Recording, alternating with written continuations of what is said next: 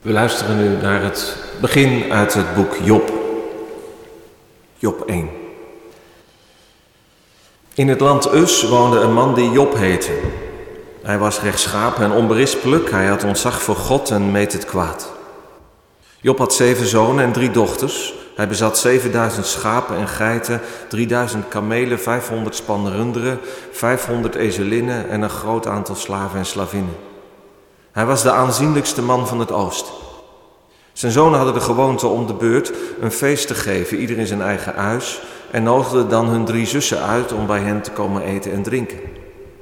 Wanneer zo'n feest voorbij was, liet Job zijn kinderen bij zich komen voor een reinigingsritueel.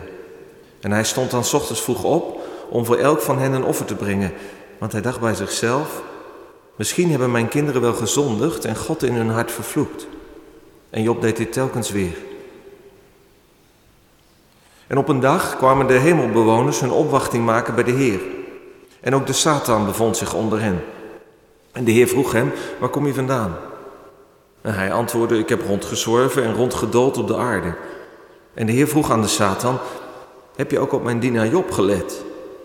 Zoals hij is er niemand op aarde. Hij is rechtschapen en onberispelijk. Hij heeft ontzag voor God en mijt het kwaad. De Satan antwoordde de Heer, zou Job werkelijk zonder reden zoveel ontzag voor God hebben? U beschermt hem immers, evenals zijn gezin en alles wat hem toebehoort. U hebt het werk dat hij doet gezegend, zodat zijn bezit zich steeds meer uitbreidt. Maar als u uw hand naar hem uitstrekt en aantast wat hem toebehoort, zal hij u ongetwijfeld in uw gezicht vervloeken.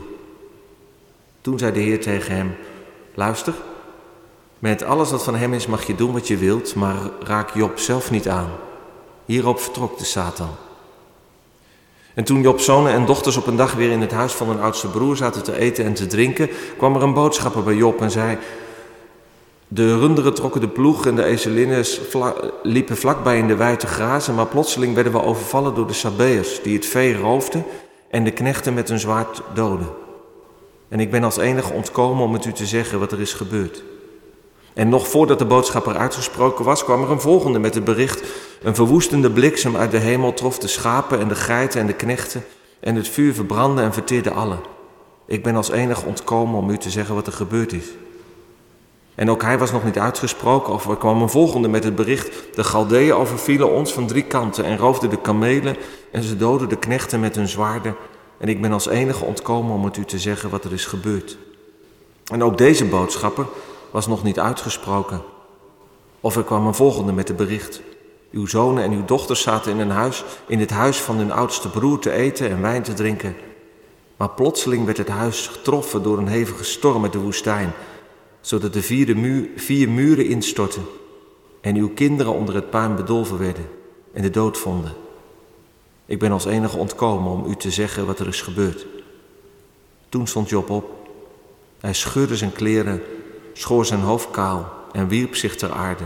En hij zei, naakt ben ik uit de schoot van mijn moeder gekomen en naakt zal ik tot de aarde terugkeren. De Heer heeft gegeven, de Heer heeft genomen. De naam van de Heer zij geprezen. Ondanks alles zondigde Job niet en maakte hij God geen enkel verwijt. Het Bijbelboek Job is een boek dat gaat over wat lijden bij ons mensen teweeg brengt. Het is denk ik een van de meest pijnlijke vragen van het leven. Waarom treft mij lijden? Wat is, er, wat is de zin ervan? Hoe moet ik ermee omgaan? En als je gelooft, wat heeft God ermee te maken? Daarover gaat het verhaal van Job, de rijkste, rechtvaardigste mens van het oude Midden-Oosten, die in twee klappen, en we hebben nog maar de eerste klap gelezen, alles verliest. Gestript wordt tot hij naakt met alleen een potscherf om zich te krabben op de vuilnishoop belandt. En op die vuilnishoop vecht hij het, het gevecht met zijn vrienden die zijn gekomen om hem te troosten. En met God die hij niet kan begrijpen. Maar het boek dat begint met een andere en volgens mij even spannende vraag. En dat is niet de vraag die, die begint met, die, die bij ons start, vanuit ons menselijk oogpunt. Wij die getroffen kunnen zijn door rampen, door lijden. Maar het is de vraag meer vanuit Gods perspectief. Dat vreemde gesprekje wat we hebben gelezen tussen God en Satan in de hemel, dat draait eigenlijk om twee woorden. Om niet, of in onze vertaling, zonder reden. En God die wijst Satan op zijn dienaar Job. Heb je hem gezien? Wat een pracht mens is dat. Dat is nu een mens zoals ik hem voor ogen had toen ik de wereld schiep.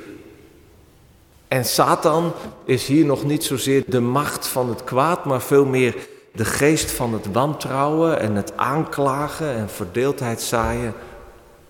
En daarom stelt hij die geniepige wedervraag. Is het zonder reden? Is het voor niks dat, dat Job zoveel ontzag voor u heeft? Want u beschermt hem zodat zijn leven een paradijs van zegen is. En neem dat nu maar weg en, en binnen no time zou hij u vervloeken. En het is een vraag, denk ik, die blijft hangen. Waarom geloven mensen? Waarom hebben mensen God lief? Heeft de Satan gelijk dat er bij ons mensen niet zoiets bestaat als om niet? En dat ook de relatie tussen God en mens iets van een transactie is. God geeft en dan geven wij terug. Maar als er niks gegeven wordt, dan komt er ook van ons geen reactie. En het harde, en misschien voelt het ook wel hard op het moment dat je aan je eigen leven denkt en je hoort dat zo voorlezen, dat God op die uitdaging ingaat. Dat is ook hard. God geeft Satan de vrije hand om Job te strippen van alle bescherming en zeging en om Job te beproeven. En om te zien of zijn liefde, zijn ontzag voor God werkelijk om niet is. Dus naast die vraag waarom mensen, en ook gelovige mensen natuurlijk, lijden treft en soms vreselijk lijden, is er dus ook de vraag hoe wij mensen zonder nut, zonder reden kunnen geloven en dat vol kunnen houden.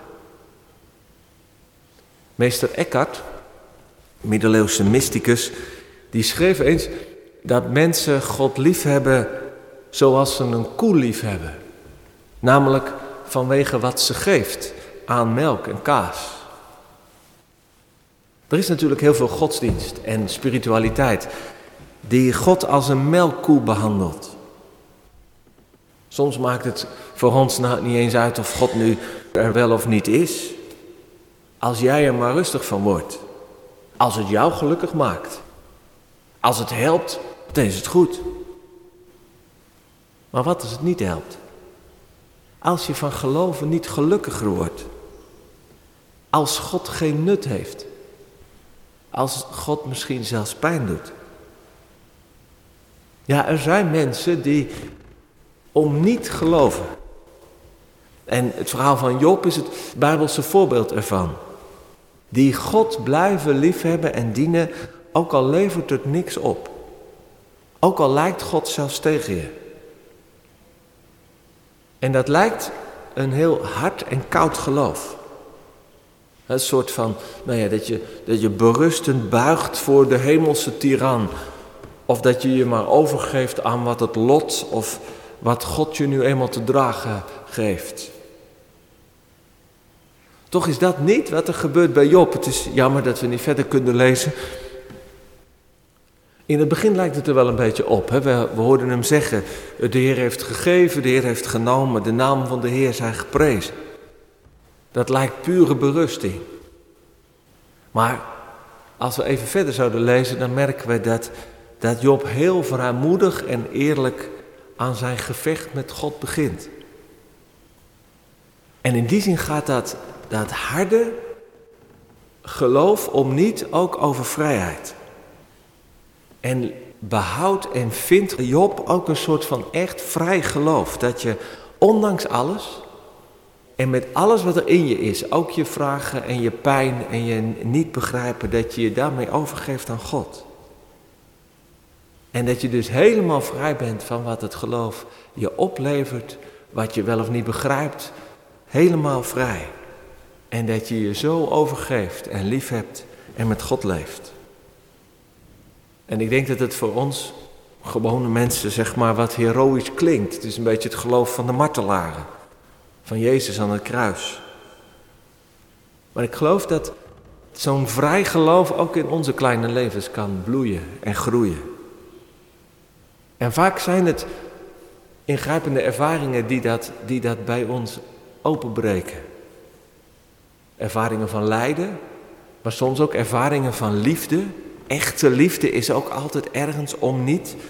Of ervaringen van, van schoonheid. En die ons dan confronteren met God, die zoveel groter is dan onze behoeften, dan ons geluk. Ik las bij een van mijn grote voorbeelden, de Amerikaanse predikant Frederick Buechner, onlangs overleden. En die schrijft dat hij op een moment in zijn leven dat ze in het ziekenhuis zaten vanwege hun dochter, die was opgenomen vanwege anorexia. En dat ze daar zaten, de andere kant van Amerika, dus in een hotel. En ze konden niks doen. En het was ernstig. Ze konden alleen maar op de bezoektijden gaan. En dat hij vertelt dat hij op een bepaald moment tussen die bezoektijden door maar een beetje door de stad wandelde en in de kerk terecht kwam en daar zat. Een beetje zoals je hier naar binnen kan lopen. En dat hij opeens werd overvallen door een diep gevoel van God is bij me. De liefde van God is er. Ook al gaf het geen garantie dat er oplossing zal komen. Al hielp het helemaal niks voor de situatie. Maar God is er. En dat hij in dat besef verder kon. Ergens om niet. En hij zegt dan, ik heb nergens eigenlijk dieper en beter begrepen wat het betekent om in God te geloven dan op dat moment. Dus dat is de vraag voor vanmorgen die vanuit Job op ons afkomt. Durf je om niet zonder reden te geloven? Amen.